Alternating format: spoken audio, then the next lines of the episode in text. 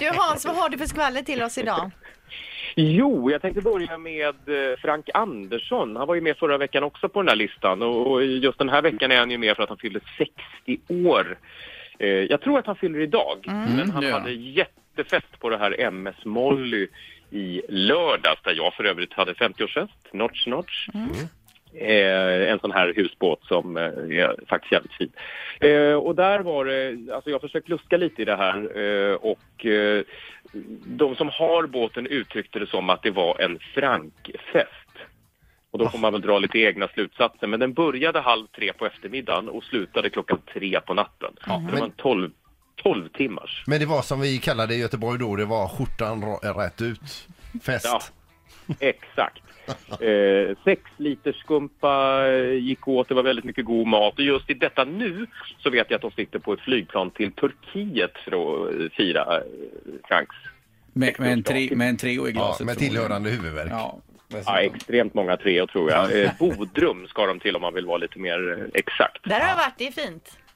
Ja, härligt. Jag har faktiskt aldrig varit i Turkiet, Nej. men det ska det bli. Ja, Ja. Där kan man spela mycket golf, vet jag. ja det är möjligt.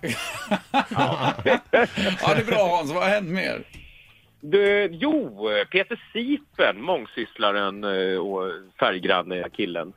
Han har ju varit liksom singel och eh, helt bara levt eh, vind för våg i alla, alla år. Och plötsligt så kommer allt på en gång nu när han har passerat 50. Han alltså träffar tjej, fick barn här för inte så länge sedan, eh, eh, sonen Rio. Och igår när de hade dop för Rio, eh, eller i lördags, så spontanfriade han plötsligt på efterfesten eller hur man uttrycker det som, eller kaffet eller vad man nu har. Oj! Ja, och han förklarade för mig att prästen höll ett tal om att åh, jag älskar att döpa små barn och det är jättekul, men jag gör ju inte bara det, jag gör annat också, notch, notch. Och då sa Peter att då plockade han upp den där stafettpinnen eh, som han då släppte och eh, friade till sin Anna, som hon heter, och fick ett ja. Vad härligt! Alltså jag följer honom på Instagram, det är ju bara bebisbilder men vilken, vilken alltså, spektakulär familj de är när de visar upp sig med alla de här boorna och plymerna och hattarna och bebisen också eh, uppklädd till tänderna. Ja, de är underbara. Ja. Det är liksom bara eh, leopardmönster från topp till tå. Alltså, så, såg du de här bilderna från eh, dopet när Peter Sipen har en ultrablommig kostym? Alltså, Ja. ut som en, en gardin. Ja, och med svärmor där också innan. Står Ja, han. Ja, det var roligt. så jävla fint. Mm. Alltså, de är fantastiska tycker jag. Alltså, de, de, eh, ja, grymt. Ja, det är glädje. Ja, det är bra. Och sen tänkte jag ju då eh, hoppa då från det här lilla puttinuttgulliga till eh, det stora bråket mellan Hollywoodfruarna. Det är kanske inte är något nytt att de tjafsar.